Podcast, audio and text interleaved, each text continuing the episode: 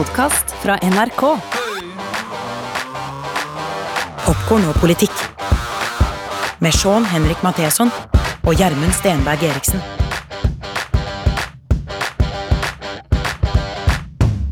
Velkommen til Popkorn og politikk. Jeg heter Sean Henrik Matheson. Gjermund Eriksen. Eh, You got the bonus playing. Yeah, man. Jaggu, det er ikke fredag i dag, Gjermund. Det er tirsdag. Nei, Ja. men det er når det er ekstra gode nyheter. Ja. Da er vi på bonussiden. Helt klart. Ja. Vi hadde jo en uh, solid runde med FBI-agenten uh, Peter Strock eh, på nå sist fredag. Uh, En fantastisk eh, fyr som du klarte å få tak i. En av de høytstående FBI-agentene. En av de I aller beste. amerikansk historie, av, som vi kjenner til. Fordi de fleste får ikke oppmerksomhet Nei. av nødvendige grunner. Det ligger i deres jobb at de ikke skal ha. Mm. Han her fikk all den oppmerksomheten et menneske kan ønske seg og ikke ønske seg, Mm. Ja. nemlig Donald Trumps Mm. vrede. Han er tweeta om 100 ganger av Donald Trump. Jeg tror han har brukt navnet hans som skjellsord i uoversiktlig mange former, Mm. som vi ikke gidder å gjenta og snakke om i dette intervjuet, fordi det er jo noe å, være på hatlista til Donald Trump er veldig vondt for et menneske og for familien. Helt klart. Ja, Og det er da den øverste lederen i det landet du har dedikert livet ditt til å hjelpe. Og det er jo der smerten til Peter Strock ligger. Uansett, moro at vi har fått lage bonuspod. Få litt mer dybde rundt et par sentrale elementer som vi tenkte at det blir for langt på fredag. Mm. Men det, dette tåler dere. Og hvis dere har googla dere fra framtiden, ti år fram, hvem var det som fikk tak i han Peter Strock i Norge? Velkommen! Det er utrolig hyggelig at dere hører på oss ti år etterpå. Ja. Vi skal eh, begynne med noe som heter eh, Operation Crossfire Hurricane. Altså, fader, for noen fete navn eh, de har Ja. på, på hemmelige eh, operasjonene sine. Og det navnet er jo da gått inn i amerikansk historie som noe mye større enn Rolling Stones-sangen. Nå har den tatt mytologiske proporsjoner, sier Peter. Ja. Og det er jeg enig i, altså. Ja, det er veldig kult. Eh, altså, Da Peter Strock eh, og, og kollegaene hans skulle etterforske Donald Trump, så, så ble det da til navnet Crossfire Hurricane. Jo, allerede da han var eh, presidentkandidat, var Trump mistenkt for å samarbeide med fremmede makter i, i valgkampanjen eh, sin. Eh, I dette tilfellet Russland. So it began at the very end of July of 2016. We hmm. received information from the foreign government that one of their officials had met with a Trump foreign policy advisor uh, by the name of George Papadopoulos, who had told hmm. them that somebody on the campaign, he didn't say who, had received an offer from a representative of the government of Russia that they had information that was damaging to Hillary and Obama, and hmm. they offered to coordinate its release to assist the Trump campaign. And they didn't think much of that until WikiLeaks released a bunch of information that had been stolen by the Russians. Um, we didn't, that wasn't publicly known at the time, but that the when this massive release of information occurred, that foreign government said, wait a minute, this is exactly what Papadopoulos said they offered to do, and now it's happening. And so, God, we, we need to tell the Americans. And so they got that to, to the US. It eventually came to the FBI, and we opened the investigation. The, the case is based off of uh, the Rolling Stones song, you know, Jumpin' Jack Flash. It was just something that, you know, I'm a Rolling Stones fan, and that was a, uh, you know, just kind of randomly. Our cases are given code names to protect and hide who it is you're uh, investigating. Det er ganske kult. Og du, eh, hvis du synes at du hørte en katt i bakgrunnen her Det er ikke min. Det var ikke din, men det Jeg var Peter Strock sin. Det var Peter Strock sin. men det var hans det Det er. var Og det er så Nydelig å se hans omsorg for katten òg. I want to pause because I have a cat, which I don't want I you listeners cats. to hear too much. Well, she is going to come in, so she stops making all this noise in the uh, in the background. Du hadde den jo på Zoom, så du så jo hva, Hvilken farge? Var den hvit? Det var en svart Ah, okay, jeg var sikker på at den var hvit. Okay. Etter eh, etterforskningen av Trump så kom jo beskyldningene. En som anklaget eh, demokratene for å ha en deep state, eh, ble etterforsket av staten. Og det var jo selvfølgelig for lite tilfeldig for konspigærninger. Men, men det var jo Hillary Clinton som ble etterforsket offentlig. Hadde de hatt en velfungerende deep state som jobbet for Hillary Clinton og alle på demokratisk side, så hadde de vel for tusan gått ut før valget med at Trump var etterforsket for å samarbeide med Putin. Jeg tror jeg Peter Strock er helt enig med deg.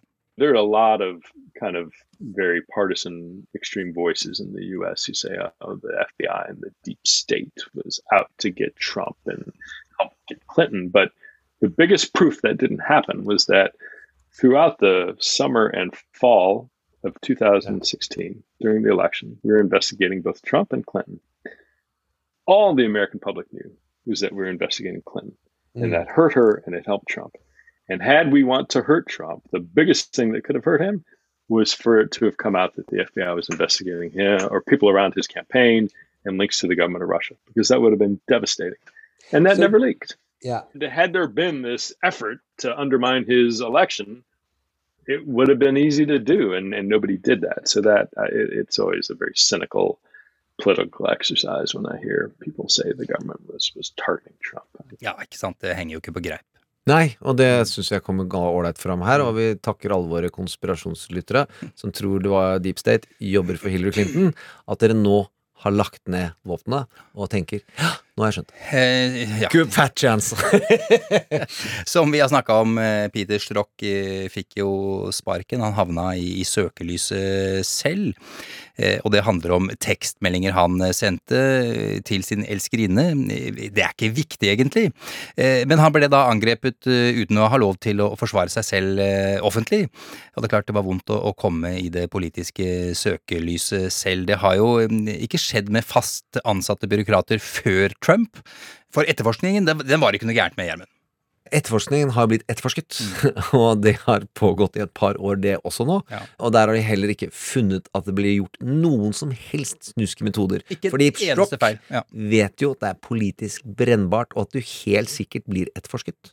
I'm very content and satisfied the way we handled the case. It was done by me, and Yeah. you know we did it professionally and we did it the right way. But you have a, you know, sort of an expectation just based on the way the government typically treats its employees, not the politically appointed ones, not the heads of agencies, but the you know the lower level employees, the career executives. There is a tradition, hundreds of years uh, within the United States, of not really bringing folks at that level, like I was, into this political environment, and of course that was done.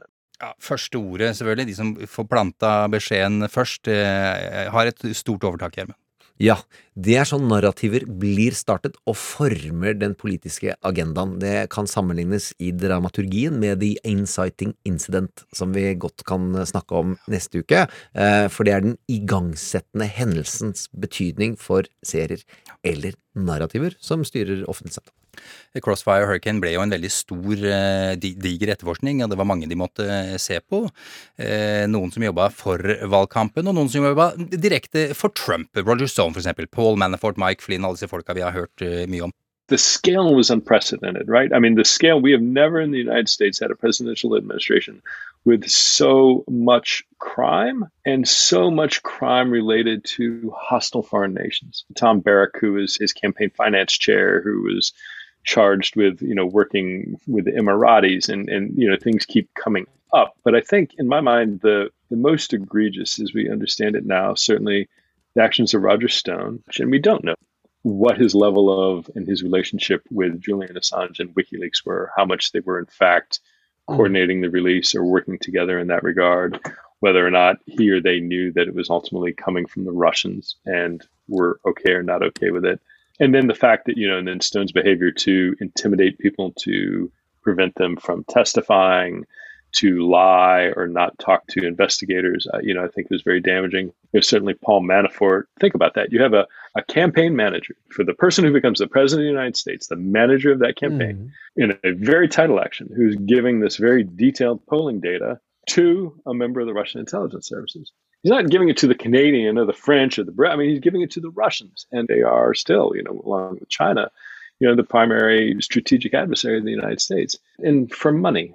You know, all these other knuckleheads, you know, engaged in crime. You know, certainly Mike Flynn as the national security advisor for the United States, you know, doing things, you know, not just interacting with the mm. Russians, but he was involved in any number of things, in particular with Turkey and, you know, placing editorials that, you know, different people were charged and convicted of, you know, the government of Turkey writing these editorials or providing information or funding it that then were placed. So again, people who were very closely and related to the discussing presidency and the kidnapping national on security U.S. soil. uh, yeah, right, and a crazy, right, right, a Turkish cleric who is, um, you know, very kind of outspoken against the Erdogan regime in Yeah. Turkey, and, and working with the Turkish government about whether or not they could, yeah, snatch him off the streets of the United States and, and fly him off in, in the dead of night back to Turkey is uh, astounding I 2017 så hadde jo FBIs etterforskning blitt tatt over av Bob Mueller, Robert Mueller, special agent, mm.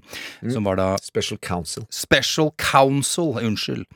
Eh, Utnevnt av Justisdepartementet. Det tok to år. Rapporten kom til, eh, som kom til Kongressen var kritisk, men Müller sa at de ikke fant bevis for eh, lovbrudd. Dette er jo var til tross for at FBI og Strzok hadde slått fast at det var kontakt, og at Trump var compromised.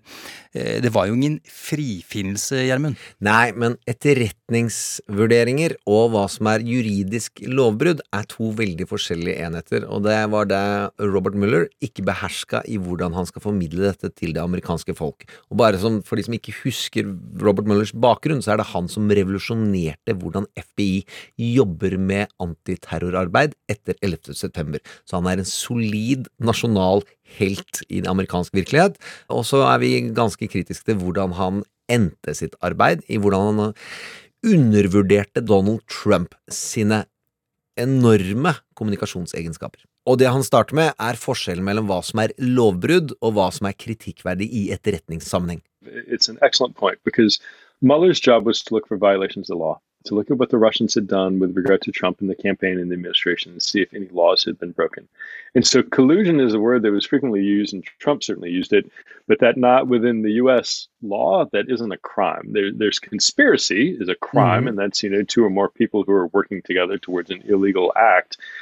When Mueller said we were unable to establish that conspiracy or this this sort of activity occurred, kind of very cynical political players seized on that and said, "Oh, hey, look, there was no collusion." Well, you know, one thing Mueller couldn't and wasn't looking at collusion. He was looking at violations of the law. And what Mueller said is he didn't say it didn't happen. If you look at every one of his hmm. statements, he said, We could not find sufficient evidence to charge this.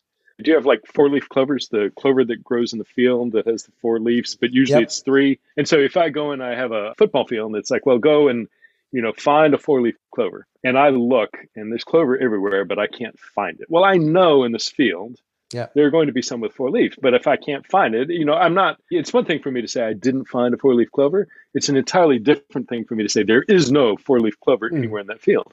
Mueller was just saying we didn't find enough to charge this crime. But what he did not say is there was no evidence. And what he said is if we thought he had not broken the law, we would so state, you know, we would say that. And so again, that's as far for somebody like Director Mueller, that's as far as you're going to hear him say it. And so the difference, of course, is that there are things which, while they may not be illegal, can still be held that will coerce and cause you to do Yeah. things, whether or not it's illegal. If Donald Trump goes and sleeps with prostitutes in Moscow and gets taped, is that a violation of U.S. law? You know, probably not. However, is that something that is embarrassing that could be used again? If he did it, I don't know if he did. Is that something he could be used to influence his activity? Sure. Ja. vil se de teipene, kan vi ikke få se teipene? Eh, Peter sier at det er ikke så mye å mase med. Ok, greit. Han har sett nok tapes. Ja, han har det. Det, Ja, altså, det har vært jobben hans. Han har jo helt sikkert sett mye video med prostituerte som han har brukt mot mennesker for å rekruttere dem. Peter er jo ikke bare en eh, velutdannet, fabelaktig FBI-agent. Han er dyktig til å snu folk til sin side. Du, eh, så var det det med finansen. Hva lærte vi av Watergate? Hva lærte vi, Gjermund? Husker du det? Follow Ja. the money! Yes! Follow the money. Men det gjorde jo ikke eh, Müller, og det eh, ergrer eh, faktisk eh, seg over den dag i dag. For det som Russland hadde, og har på Trump, var jo da knyttet til økonomien hans. Ja, og der kom det klart fram, for Donald jr. har jo sitater, eller han sier i intervjuer at det meste av pengene vi har i vårt selskap nå, sier han rundt 2009, det er russiske penger. Det er der eh, kontantstrømmen vår kommer fra. Ja. Sier han eksplisitt. Og så tar Robert Mueller og ikke går inn og kartlegger finansforbindelsene til Donald Trump. Det må vi høre litt om. Uh, yeah, and so that's one of the frustrating things. I mean, it was very, you know, there were some financial aspects of Trump that were looked at, but not, I believe, you know, and again, I was removed from the team um, before it finished, but I, I think one, Trump's financial enterprise is so complex. I mean, he, every incoming government employee, up to including the president, has to disclose entities that they have a controlling financial interest in. And his had hundreds and hundreds and hundreds of them. And so when you look at if you're trying to find did illegal monies flow from Russia or any other nation into Trump during the during the election season after the election you have to look at all of these. And mm. if you're going to look at something that broad to get all those records it's going to be noisy. You know it's not going to be possible to keep that quiet because somewhere somebody is going to leak the fact that you know a bank said oh we just got a request for you know bank records for this one odd corporation that the Trump found you know empire uh, organization controls the other thing, though, is that's really complex. Your your average listener, maybe they you know they have a checking account, they have a couple of investment accounts, but you know, with on one hand, you can count sort of the places where they may have money or investments.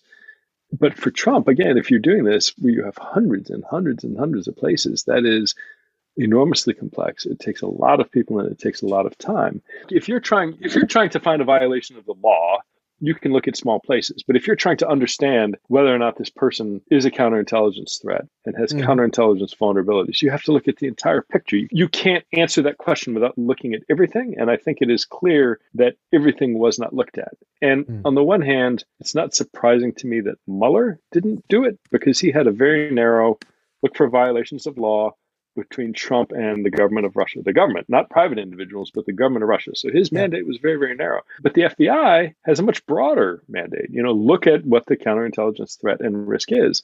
When I was setting up the Mueller's team with him, yeah, I understand that the special counsel's office is going to do these looks into the violations of law. But the FBI people who are going to be working on that team also need to look at this much broader question. I understood that. You know, Andy McCabe, who was the acting director of the FBI at the time, mm-hmm. understood that. And then, you know, I was removed from the team, and I've heard Andy say, well, you know, I, I assumed it was going on, and it's a shock to me that it didn't. And I don't know how that breakdown could have occurred. And I strongly feel it was because people were very concerned politically about what would happen if they did it, but mm-hmm. that isn't an excuse or a reason not to do it. So the the takeaway, you you know, your point is, you know, yeah, I was I was surprised too, and I think what it means is we don't know what happened. Rart å høre han si det, nesten.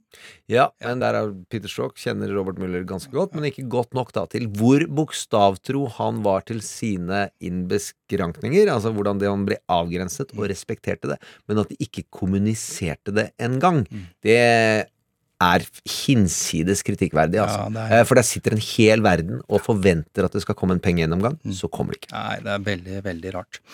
En ting som jo Peter Strock har gjort, som sagt denne spektakulære karrieren hans Han var jo en av de som, eh, som fucka eh, de originale Americans, eh, altså de som Den, den TV-serien som vi har snakka mye om, fantastisk TV-serie, den må du se hvis du skal se den.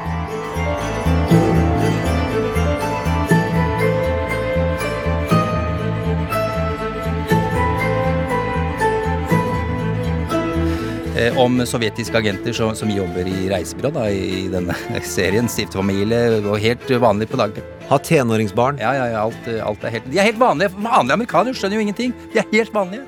Ja, ja. slike fantes. Mm. De hadde trent som han beskriver, i 14 år, minst 10-14 år, for å det hele tatt være i stand til å kunne være på amerikansk jord. Mm. Russisk agenttrent. Og han kaller det da illegals, som er én type mm. spion, mm. som da er den reneste formen for etterretningsagent på et annet lands territorium. Mm.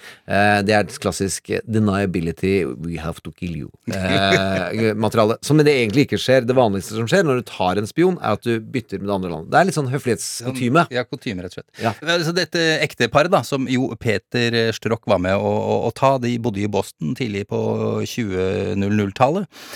Og de var da russere som hadde tatt identiteten til to canadiske spedbarn som døde i krybbedød. Uh, de falske identitetene var da grundig bygget opp over mange, mange, mange år, og blant annet gikk jo mannen på Harvard.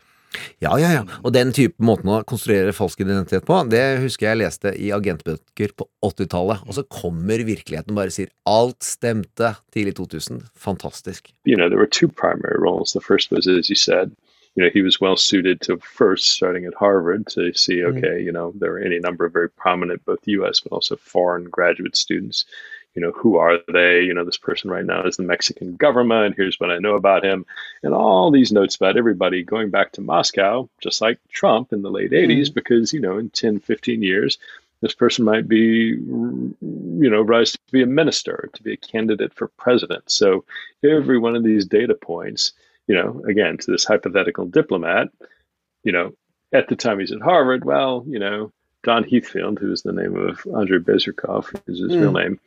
You know, they go out and they study and they socialize, and he sees, oh wow, he really tends to drink too much, a lot, and he really drinks, you know, scotch, and he can talk too much when he does it, and so that goes in a little report, and mm. you know, maybe nothing happens, but you know, maybe if this diplomat becomes a minister or is running for government, the SVR goes back to their files and says, oh, okay, this guy had a drinking problem back in you know 2001 2002 and so those little bits of information from all these different sources go into the file the other thing that illegals traditionally have been used for is you know going to this you know russian soviet hmm. feeling mm. of being surrounded of being isolated this fear that in the event of conflict if the united states expelled all mm. of hmm. the russian diplomats that they would still have this this little special egg, this this this prized, you know, sort of insurance policy that even if everything was cut off from Mother Russia within the United States, that they would still have people who, in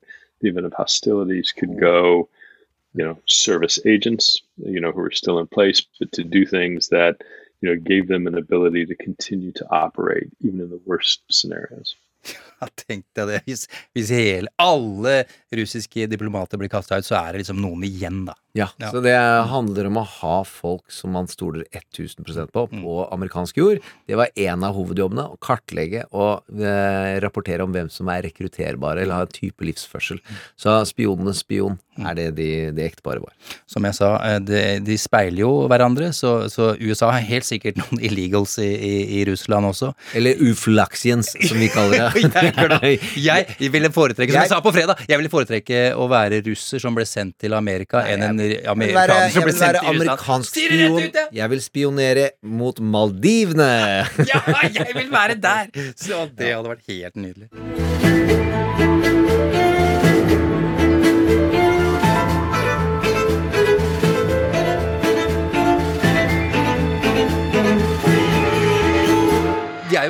Godt trent, disse illegals, disse spionene. Eh, og det må de jo være for å tåle etterforskningsmetodene til amerikansk kontraspionasje. Eh, Gjermund, du fikk jo Peter Strock til å snakke litt om, om metodene sine, og om hvor eh, utrolig mange detaljer som er viktig. Og hvor utførlig de gjennomfører det, og hvor lang tid det tar å komme seg inn i en leilighet. Hvor mange mennesker som må være med inn i den leiligheten, eller når du skal gjøre de enkleste oppgaver, som å sjekke ut en bankboks som disse menneskene kontrollerte, det er det ikke noe de tar lett på, for du har dette hårstrå-trikset. Ja, og det har jeg sett så mange ganger, det er så ja, fint. Ja. Jeg prøvde de, å gjøre det selv, faktisk. Da jeg var liten, så gjorde jeg det på ja, Men de har mye mer subtile metoder enn det. Det går også på strø støv og Nei, hør her. In the case of these illegals, because they are so deeply undercover, because the work is so sensitive, every small step is meticulously planned. There's everything, however mundane yeah. it seems to be, takes thought and approval and planning and planning and more planning. You describe how you open a bank box. You know, special agents, you know, especially new ones are, you know, they're like children and they, you know, they want to, they get somewhere and you want to touch, you want to pick it up, you want to look. And the problem is, you know, you do that.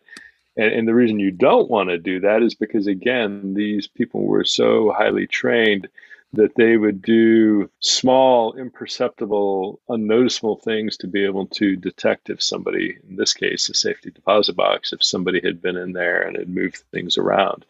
And so, well, the temptation, particularly if you see, and from, you know, in this case, we found, you know, cash, we found especially some, you know, some very old, you know, negatives. Back in the days of film camera, these were old, old black and white images that we were, you know, able to determine because they made a small mistake, maybe um, actually had a Soviet uh, film company on the edge. Mm. But you know, all of this you've never seen it before. So yeah, you get it. You know, these experts come in, they help you remove it and open it in a way that you're not going to leave a trace. And you know, the temptation is to see all this material and want to pull it out, but it's like no, no, no. There's this very fastidious process of removing it, you know, hmm. layer by layer, recording where it came from exactly, to then kind of slowly look at it get to the bottom and then slowly put it back exactly the same.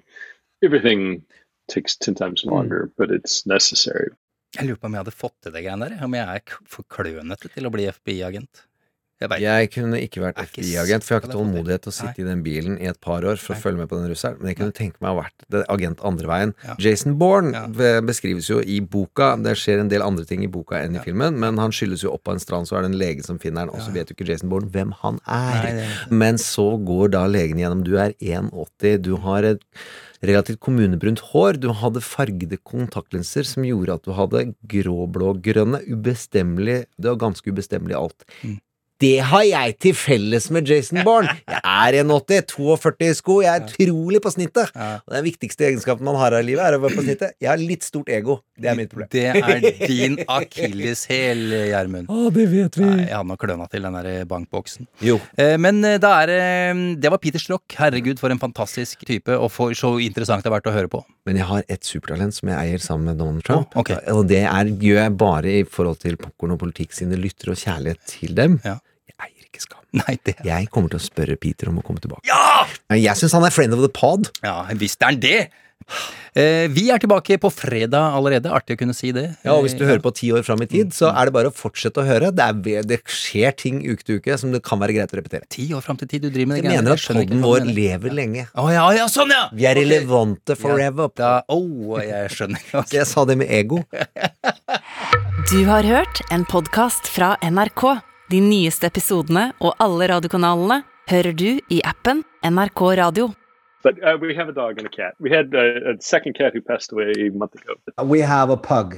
My, Oh, fantastic. Because I'm a cat person, I've denied my son's uh, dog until they were teenagers, and we thought we need love in our house, and we just had to get it done. There's nothing better. Like we had cats from the time the kids were little, and then we finally got a dog, and just the relationship between kids and a dog is just a whole positive, good thing.